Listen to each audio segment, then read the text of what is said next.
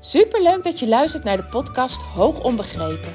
De podcast voor ouders van hoogbegaafde kinderen die hun kind beter willen begrijpen.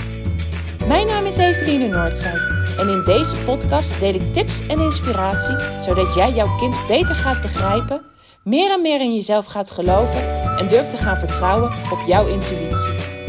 Hoe ga je om met uitdagende situaties? Wat heeft jouw kind van jou nodig? En hoe zorg je voor verandering zodat jouw kind zich gelukkig voelt? Ik heb er veel zin in om dit allemaal met jou te delen. Dus laten we voor vandaag maar beginnen.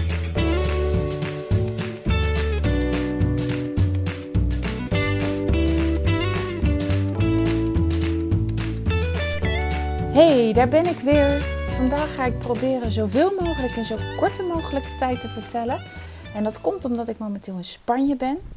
De wifi is hier echt ronduit slecht. Uh, mijn, met mijn 4G heb ik niet altijd bereik. Dus het uploaden van een podcast, wat behoorlijk wat uh, tijd kost hier, uh, is moeizaam. Dus ik probeer hem zo kort mogelijk te houden in de hoop dat het dan zo snel mogelijk online staat. Dus ik ga beginnen. Afgelopen week, podcast 162, daarin heb ik aangegeven dat het heel belangrijk is voor hoogbegaafde kinderen dat als ze eenmaal iets kunnen, dat ze daar ook niet meer de lesstof van krijgen aangeboden. En dat is natuurlijk nogal, uh, ja, misschien wel een pittige uitspraak. Uh, en die wil ik gewoon in deze podcast toelichten. Want ik ben er echt, ik ben echt van mening dat wanneer een kind iets kan, uh, dat, dat ze het niet nog een keer hoeven te laten zien. En nog een keer hoeven te laten zien. En nog een keer mee moeten doen, omdat dat nu eenmaal gewoon op het programma van de lesstof staat. Maar dat het dan overgeslagen moet worden. Um, en ik ga dat in deze podcast uitleggen. Op het moment namelijk dat je kind naar school gaat, dan gaat je kind naar school om iets te leren. En voor veel hoogbegaafde kinderen is de eerste periode op school vaak een desillusie. Want ze komen op school aan, hebben in hun hoofd van luister eens, ik ga nieuwe dingen leren, ik wil dit of ik wil dat of ik wil kunnen lezen of schrijven. Nou, hè? Ik kan het zo gek niet verzinnen. Ze hebben echt wel een idee over school en, en een beeld daarbij. En dan komen ze op school en dan krijgen ze eigenlijk bijna allemaal dingen aangereikt die ze al kunnen. Of die ze voor een groot deel al kunnen. Ze weten het al. Ze hebben die kennis al als peuter opgedaan. En onbewust geeft dit een reactie. Het kan teleurgesteld zijn, het kan um, andere gevoelens oproepen. Heel vaak zijn deze jonge kinderen als kleuters zich niet bewust van die gevoelens, maar ze reageren er wel op. En ze reageren erop vanuit het onbewuste of met gedrag of door niet meer naar school te willen. Ze kunnen het vaak niet onder woorden brengen wat, wat deze desillusie met hen doet, maar ze communiceren het dus wel door middel van hun gedrag of door middel van hun lichaam erop. Lichamelijke klachten uh, kunnen veel voorkomen bij hoogbegaafde kinderen. Buikpijn, hoofdpijn, onverklaarbare andere lichamelijke klachten. Nou, als gevolg van het feit dat ze alleen maar stof aangereikt krijgen of veelal stof aangereikt krijgen die ze al beheersen, is dat het kind zijn motivatie kwijtraakt. Want waarom zou je nog gemotiveerd met iets meedoen wat je al reeds beheerst? En ik probeer altijd het heel simpel te maken voor ons als volwassenen ook om het inzichtelijk te krijgen. Wat als jouw baas aan jou dingen vraagt te doen die je al lang kan? die onder jouw niveau liggen. Jij wil je ook graag verder ontwikkelen in je werk of in je vak. Dus op het moment dat jij moet doen wat je al kan, waar geen uitdaging in zit, wat onder jouw niveau ligt, hoe enthousiast ben je dan nog? Hoe gemotiveerd ben je nog als dat voor de tiende keer of de twintigste keer van je gevraagd wordt?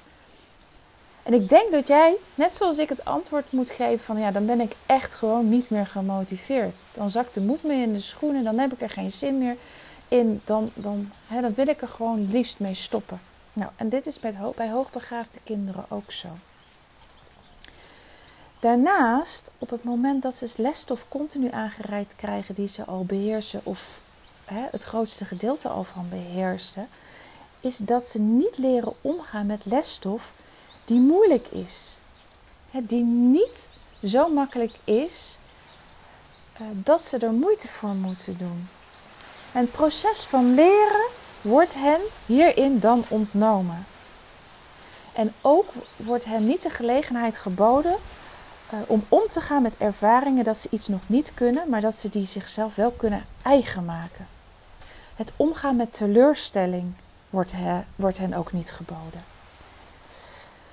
En dit heeft als gevolg, doordat ze niet weten hoe om te gaan met moeilijke zaken, dat als ze ermee geconfronteerd worden, dat ze dit ook gaan vermijden.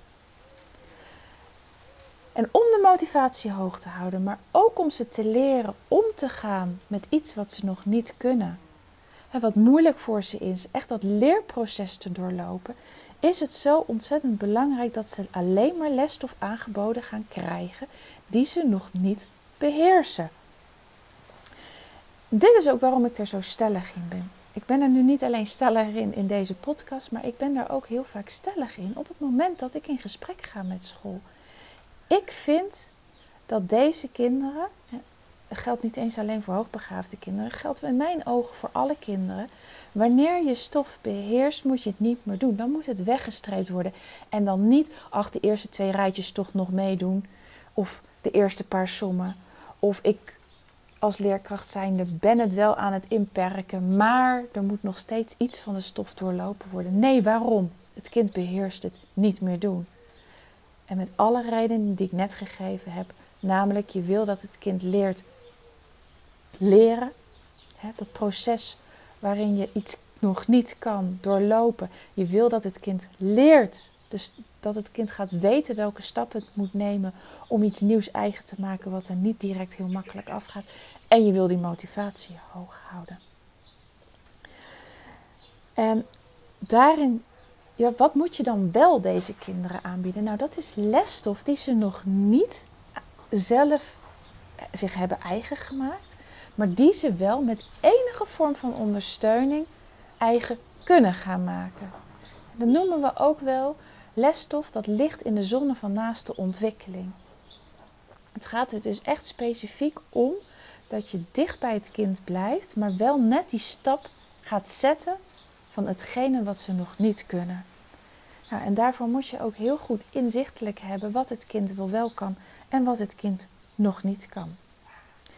En op het moment dat je hier op tijd mee begint bij, binnen een basisschool, dan ga je het kind leren om ook die moeilijke dingen aan te gaan.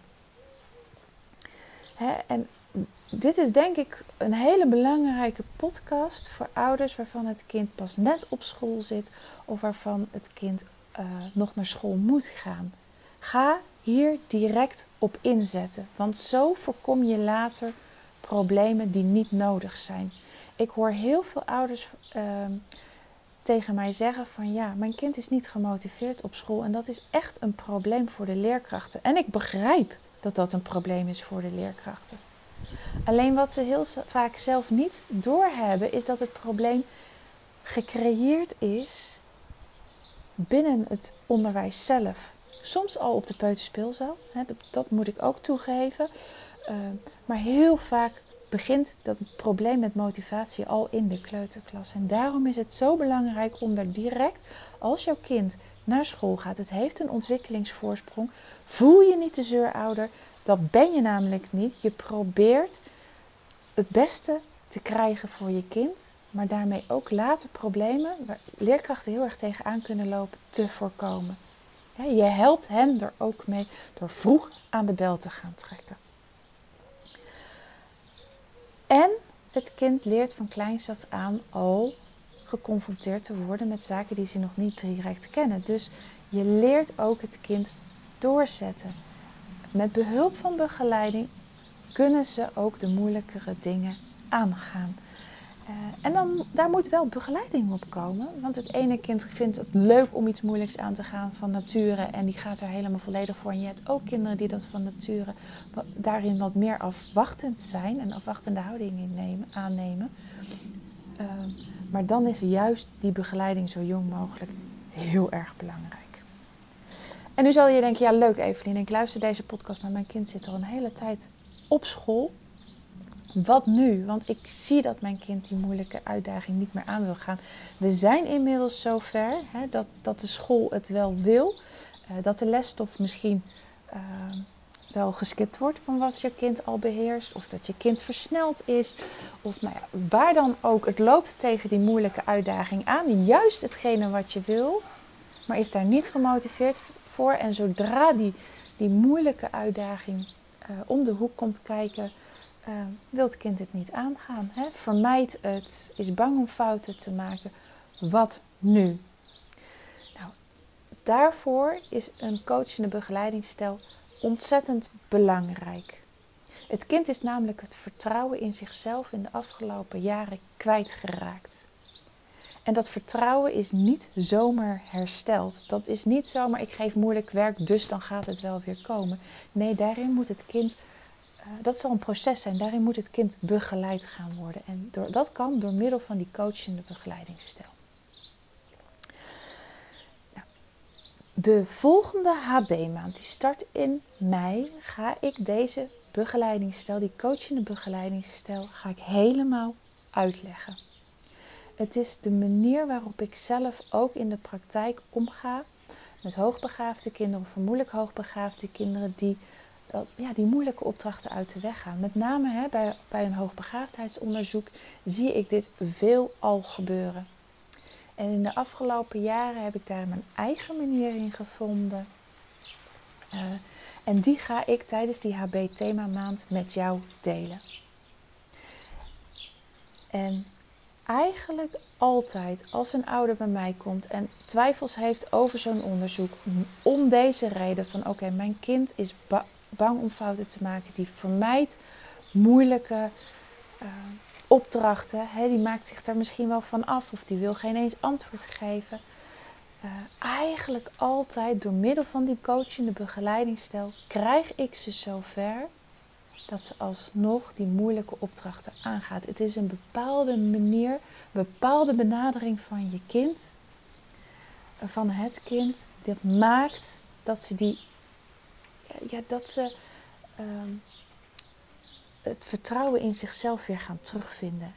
Nou, en die manier, die manier die ik toepas, onder andere bij mijn HB-onderzoeken, ga ik met jou delen in de HB-themamaand.